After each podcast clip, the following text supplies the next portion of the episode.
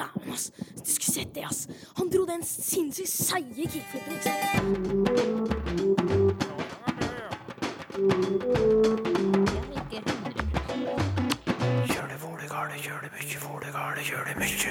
Sørlandets bløte konsonanter blir stadig hardere. Et dialektmerke på vei ut, tror språkprofessor. Jeg tror de går ad undas. Eh, Men eh, jeg er ikke så bekymra på den måten der at det er ikke det som eh, bestemmer om dialekten så å si overlever eller ei. Og språket er en effektiv og nådeløs sak. Språket er så nådeløst at hvis språket har to fullstendig synonyme ord, da dreper språket det ene. Vel møtt til Språkteigens sommermiks. Språkteigen starter med å stå i stampe i dag. Det vil si at det skal handle om faste uttrykk, og lingvist Georg Kjøll er klar til å svare. Det er Geir Holen som lurer på bruken av dette uttrykket å stå i stampe, blant annet på hvor det kommer fra. Det kommer av, eh, opprinnelig av eh, verbet stampe, som betyr å bearbeide ved, ved tramping eh, eller ved støt. Så vi snakker om at man kan stampe til et jordgulv, f.eks. Ikke så mye i moderne norsk, men det, er, eh, det var en vanligere bruk eh, før. Man kan snakke om at hesten sto og stampet i, i gulvet. Eller at man kan gå tungt og stampende, eller trampende, som er det samme, samme ordet. Vi, vi snakker også om å stampe seg fram i løs snø, potensielt, eh, som er eksempler fra, fra ordboken. Så det er det som eh, gjør at uttrykket betyr eh, handler om, eller så uttrykket handler om stillstand eller stagnasjon. Så når noe står i stampe, så eh, har det ikke mer utvikling, da har det ikke noe mer vekst eller framgang. Men det Geir Holen har merka seg, er at NRK skrev på sine nettsider Nå står situasjonen i stampe. Og da gitt det vi har snakka om før, at et uttrykk, det er fast. Kan du da putte inn et ekstra ord i uttrykket? Spør Geir. For er det ikke stampe som er sjølve situasjonen? Ja, her er det to ting som foregår, som begge er veldig interessante sånn fra språk, språkvitenskapelig perspektiv. Det ene handler om at eh, stampe opprinnelig var et verb, eh, mens her er det, ser det ut som det er brukt som et substantiv. Så man snakker om at det står i stampe, så det en, gir inntrykk av å være en gjenstand. Og det er jo også det er en vanlig prosess i, i språk at uh, man får det som kalles nominalisering, at man danner danner substantiver av verb. Um, så uh, Noen ganger forandrer de seg, så man snakker om lesing for det å lese, f.eks. Men ofte så, uh, så, bruker man bare det samme ordet i en litt, uh, litt annen form. Da. Så det er det første som har skjedd her. Og det har også da blitt en del av det faste uttrykket som et substantiv. Og det andre er som, som du sier at her ser det ut som det skjer en liten ombytting av, av ordene, og at uttrykket forandrer seg. Og det skulle man kanskje tro brøt med denne regelen om at faste uttrykk har en fast struktur. Ja. Så vi snakker om, eh, vi snakker om eh, lys i enden av tunnelen, f.eks. Men vi snakker ikke om uh, lys i enden av den uh, bekmørke tunnelen. eller å ha på seg store spanderbukser, eller snu alle kappene etter vinden. Altså Det høres rart ut med en gang man begynner å, å forandre den på den syntaktiske strukturen, den grammatiske strukturen til, til disse faste uttrykkene. Men det med å bytte om på rekkefølge er ikke nødvendigvis alltid et tegn på at selve strukturen er forandret. For i strukturene vi bygger språk med, så fins det en del ting som er der, men ikke er der allikevel. Så vi snakker om syntaktisk ellipse, som er det som foregår her. Stå i stampe. Da er det snakk om et Det er snakk om et subjekt. Det er snakk om et eller annet eller en eller annen som står i stampe. Men vi trenger ikke alltid bruke det ordet for å skjønne, skjønne at det er til stede. Så vi kan snakke om at jeg har et lodd, og Jan har ett, og Joar har ingen. Og da skjønner vi at også i de to andre leddene i den setningen, hvor vi snakker om Jan og Joar, så finnes det også et lodd, men vi trenger ikke gjenta det hele tiden. Og det er også det som skjer da med at det står i stampe. Så du har dette, dette ordet noe, som ofte er til stede, som du kan bytte ut da med f.eks. situasjon eller forhandling eller sånne ting.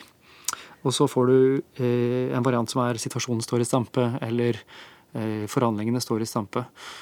Og så skjer det jo, at, skjer det jo ofte da med, med, norsk at når man uh, introduserer et nytt ord eller uh, flytter noe inn i en bisetning, eller sånt, så forandrer uh, rekkefølgen på ordene seg. Og det er jo til stor frustrasjon for alle som prøver å lære seg norsk i, i, i voksen alder. og det er det som skjer her, når man sier 'nå står situasjonen i stampe'. Da har plutselig situasjonen fått en naturlig plass etter uh, verbet. For du kan ikke si setningen uh, 'nå situasjonen står i stampe'. Da, det er ugrammatikalsk uh, på, på, norsk. Så dette er rett og slett et produkt av et resultat av generelle regler på norsk som, som tvinger ordet inn i, inn i, uttrykket på et litt annet sted. Men det innebærer ikke at det er et unntak til, til hovedregelen for det. Lingvist Georg Kjøll svarer på spørsmål om faste uttrykk.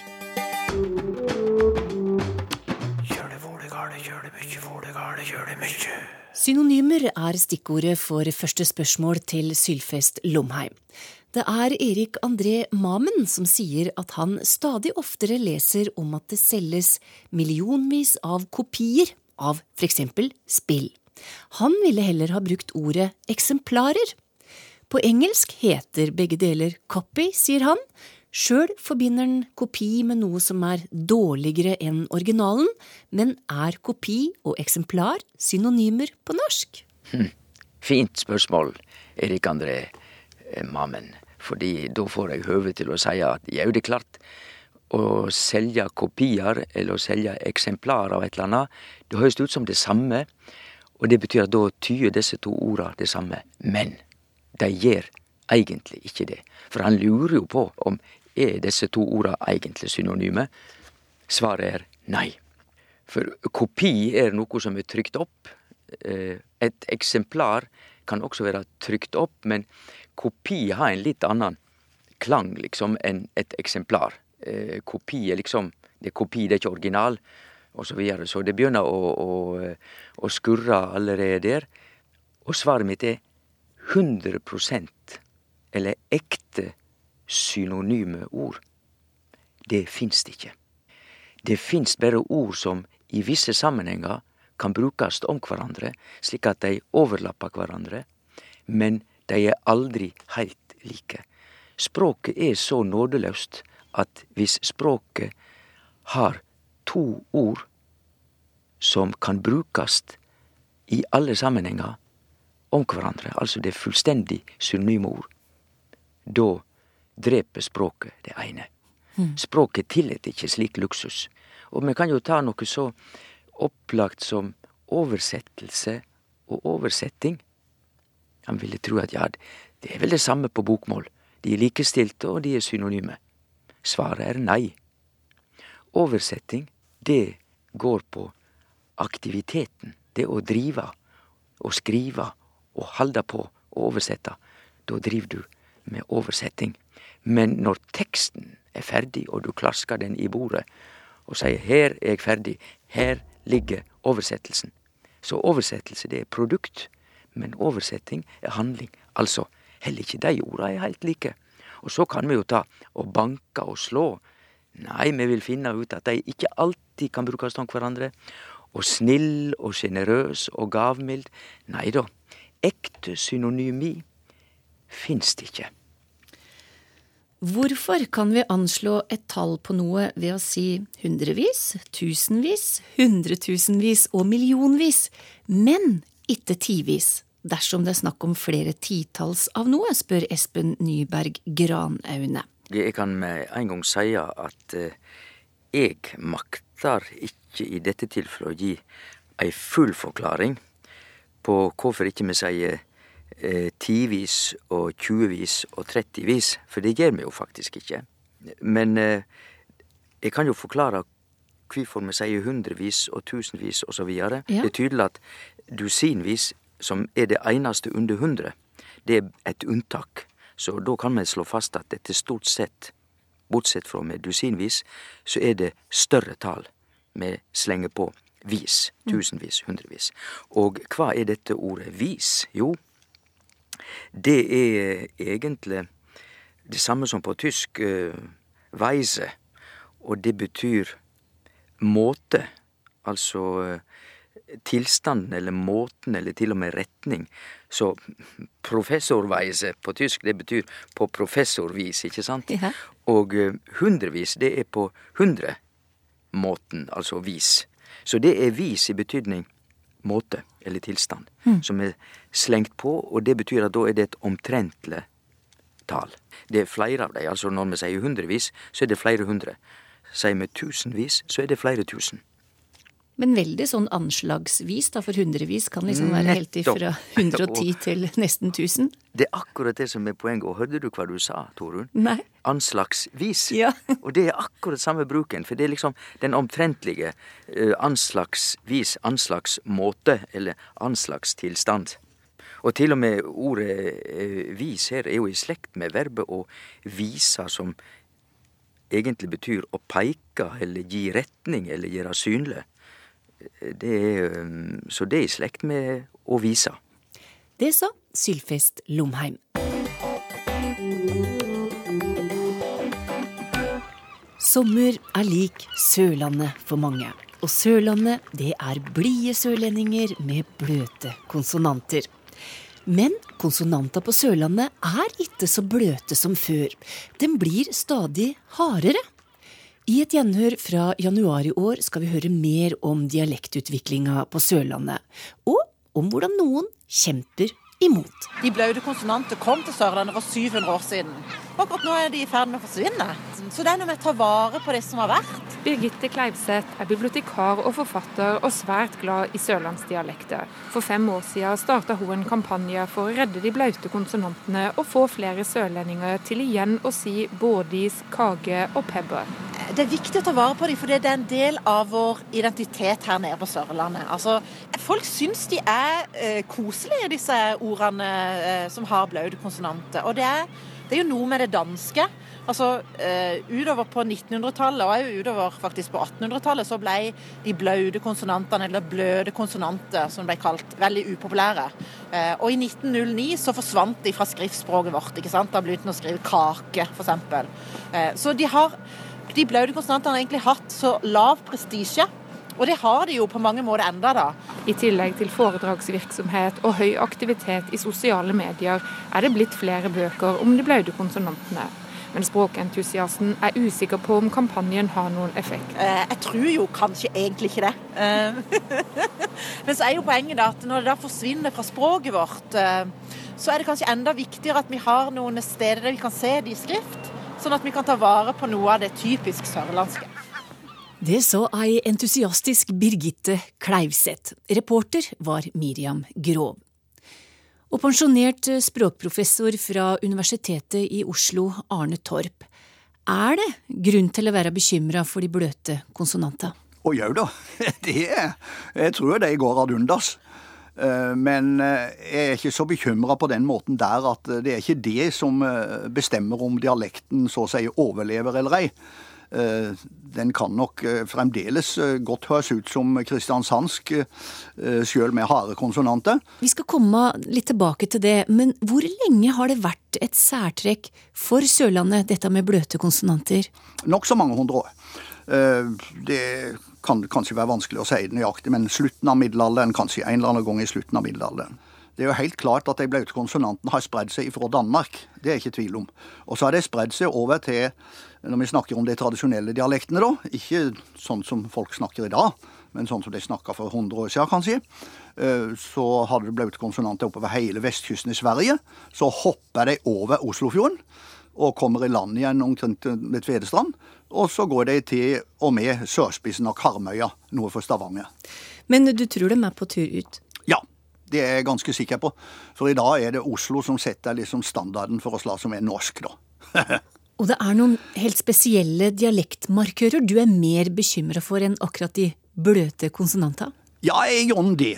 For jeg syns nok det er atskillig mer bekymringsverdig for dialektene der nede. eh, Hvis de ikke lenger eh, fortsetter å uttale f.eks. r-en på den måten som de har begynt med i de siste hundre åra. Skarr-r, altså. Ja. Og eh, noe som hører sammen der, eller som iallfall har noe sammenheng med r-en, det er en, det som jeg kaller for r-farging av vokalen. Og hva legger du i det? Ja, det legger jeg i at uh, hvis vi tar uh, verbet f.eks. å rope og rake og skyte, så heter det rober og rager og skyter i kristiansandsk tradisjonelt. Og der er det flere forandringer som uh, helt klart er um, østlandiseringer. Du kan eh, forandre rober til roper. Og da snakker vi om en østlandisering, for da er selve endelsesvokalen ikke lenger å, men sånn slapp e som på Østland. Eh, roper. Eller roper, hvis det blir rent østlandsk. Mm, -hmm. Og så har vi skyde, som de sa tradisjonelt i Kristiansand, og det er det en god del som sier ennå, men det skal være litt oppi åra. Nå sier de skyde, eller skyte. Og den der sj-lyen, som mange er veldig opptatt av på Østlandet, ja. den eksisterte jo ikke i det hele tatt eh, på Sørlandet eh, for 100 år siden. Da sa alle skyde med SJ, mm. veldig tydelig uttalt. Og det er jo en forandring som skjer over hele landet, inklusive Sørlandet. Men tilbake til R-en. Den mener du er helt sentral? Ja. Så du kan sortere alle eh, bymåla og områdene omkring byene ifra og med Mandal og til og med Risør bare på R og R-vokalisering og R-farging. Nå skal jeg ta en setning i alle bymål ifra vest og østover. Ja. Um, og Da kan vi starte i Mandal. Han roper og skriker. Der er R-en vekke overalt i slutten av i endelstavelsene. Men så er det Kristiansand. Der heter det han roper og skriker. Der er det altså or-endelse. Så går vi videre til Arendal, og da heter det roper og skriker. Da er det plutselig R i det første ordet, men ikke i det andre. Men hvis jeg sier han skriker og roper, så blir det akkurat omvendt. Uh, I min dialekt, som altså da er tvedestrands-type, så heter det roper og skriker. Der er det ikke å, men der er det æ. Og så kommer du til Risør. Der er det ekstremt æ-mål, for det heter han roper og skriker. Hvis noe av dette her begynner å bli forandra, da er det mer snakk om at selve basisen for dialekten er i eh, forandring. Og det er den jo helt klart veldig sterkt i eh, deler av Aust-Agder. Ja, og vår reporter Miriam Grov tok en tur til Arendal og spurte ungdommer om bruk av dialekt. Er det noen av dere som snakker eh, arendalsdialekt? Ingen? Nei? Nei? Hvordan snakker du, da? Jeg snakker kanskje litt mer sånn vanlig, litt midt imellom. Bare bokmål. Men hvorfor snakker du ikke arendalsdialekt? Det har liksom ikke falt meg inn. Ja, jeg ser jo det at det er ikke så mange unge som har sånn dialekt. Det er mest skarræren som er igjen, egentlig. Flertallet snakker vel eh, litt mer eh, ja, hva skal man si, bokmålaktig, ikke så mye dialekt. Hvorfor tror du det er sånn at få venner snakker arendalsdialekt? Mm, det, det, er jo flere fra Oslo som kommer inn til Arendal, og mange flytter. Ja. Hva tenker du om at uh, sørlandske dialekter er i ferd med å forsvinne? Jeg har egentlig ikke så veldig mye imot det, for å være helt ærlig. Jeg syns ikke arendalsdialekt er særlig pen. Og hvorfor ikke? Litt gammeldags. Jeg syns at uh, Oslo-dialekten er finest, for det er mer rent. Um, jeg har aldri egentlig vært noe veldig begeistra for sørlandsdialekter, egentlig. Og, hvorfor ikke? Jeg syns at det er litt harry, egentlig. Hva tenker du om dialektene, da, om de forsvinner? Det er jo synd. Det er jo på en måte en del av kulturen til Norge. Det er jo en tradisjon, da. Så det er ganske dumt. Mm. Men du har heller ikke noe typisk arendalsdialekt? Uh, nei, jeg ble født der, men uh, foreldrene mine kommer opp fra Finnmark og Trondheim, og da Og veldig få venner snakker det. Ja. Er det sånn du kunne tenke deg å prøve å snakke litt mer dialekt sjøl for å motvirke det? Jeg kunne ha prøvd, men ja, det, jo, det er jo vanskelig å lære seg det. Uh, jeg vet egentlig ikke. Kanskje nei, nei, kanskje ikke. Jeg vet ikke. Nja, ikke helt sikker på om det er så fristende å prate dialekt, altså. Arne Torp, det var ikke så lett å høre at disse kommer fra Arendal? Det går ikke an i det hele tatt, tror jeg. Eh, på de fleste av disse her som vi hørte nå. Det var jo noen som hadde bitte lite grann skarre da, men hva er det for noe? Det kan du jo ha med talefeil i Oslo òg. så eh, nei da, så dette hørtes veldig Oslo-prega ut. I alle fall så er det tydelig at sørlandsk har ikke noen status sjøl i Arendal hos de unge.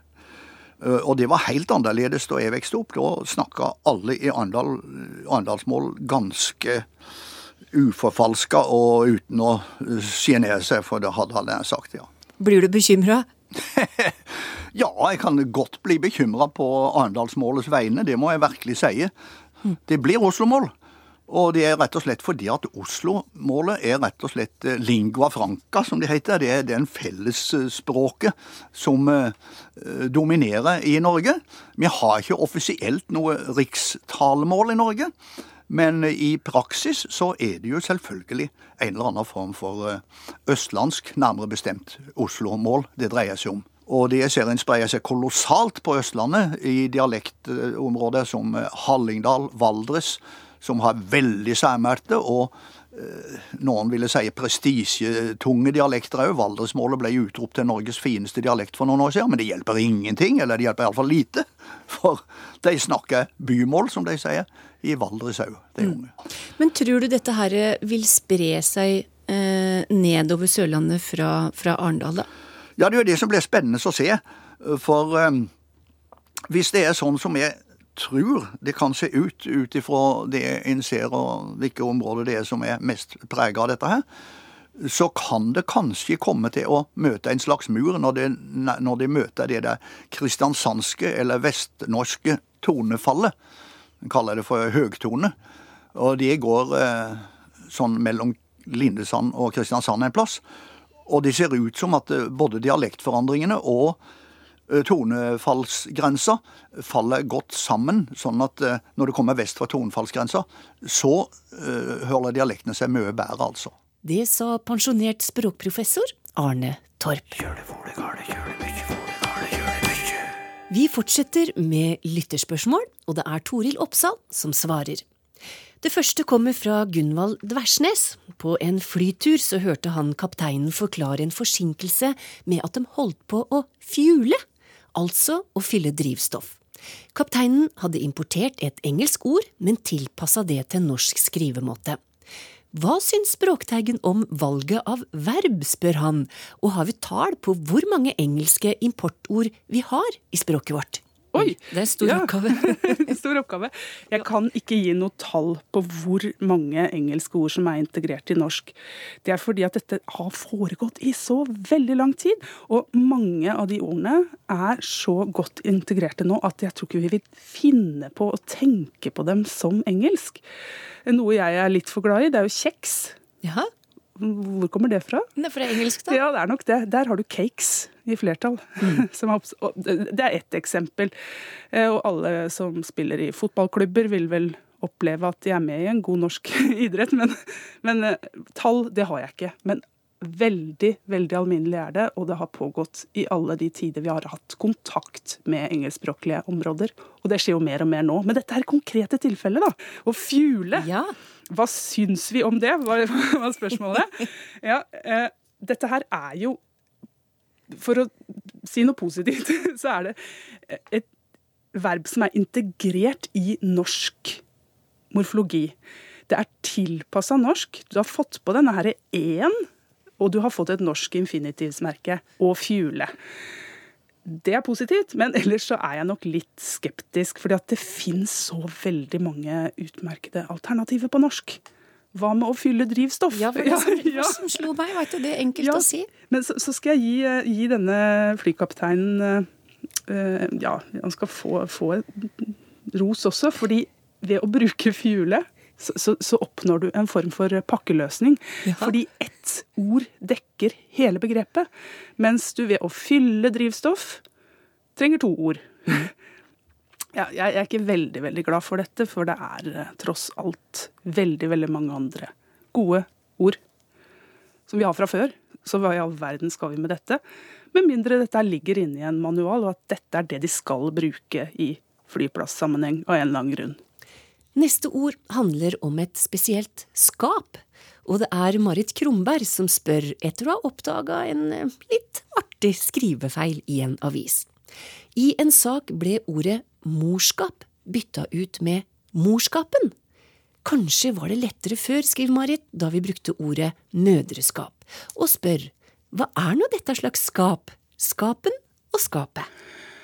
Ja, dette her er nok greit så lenge man ikke blander morskapen og morskapet. Fordi her er det noe som handler om det som er artig, og noe som handler om det å være mor. Men her er det skapet som var spørsmålet. Og dette er nok ikke skapet som noen har ja, flasker inni. Nei. Eh, det er nok det skapet som er veldig, veldig mye brukt til å skape nye substantiv. Vi har det også i norrønt. Skaper. Som er Betydningen her er noe sånn som beskaffenhet eller måte noe framstår på.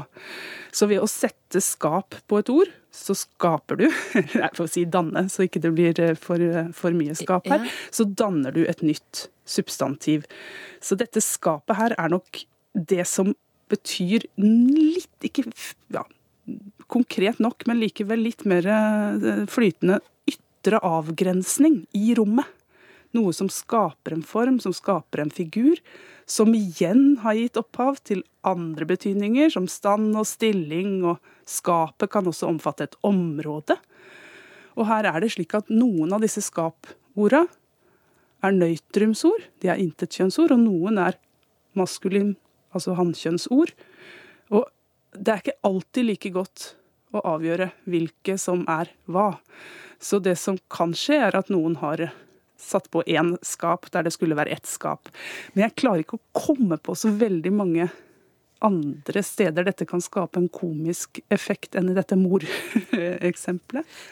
For da er skapen er egentlig knytta til et hannkjønnsord, er det det du sier? Ja. ja. Men, men, det er nok samme skap som både, eh, både kan danne nøytrumsord og maskulinord. Og her har de jo til og med to vidt forskjellige betydninger. Hvis det er moro, så er det morskapen. Og er du mor, så er det snakk om morskapet. Ord med vidt forskjellige betydninger, men det går an å skille mellom dem ved hjelp av genus. Det var siste svar i dag, det, Toril Oppsal, for Språkteigen er slutt. Men vi går en høst i møte med ukentlige utgaver av Språkteigen, og vi er på jakt etter gode temaer. Har du tips, skriv til teigen krøllalfa nrk.no. Du kan òg nå oss via Twitter og Facebook. Ha det bra!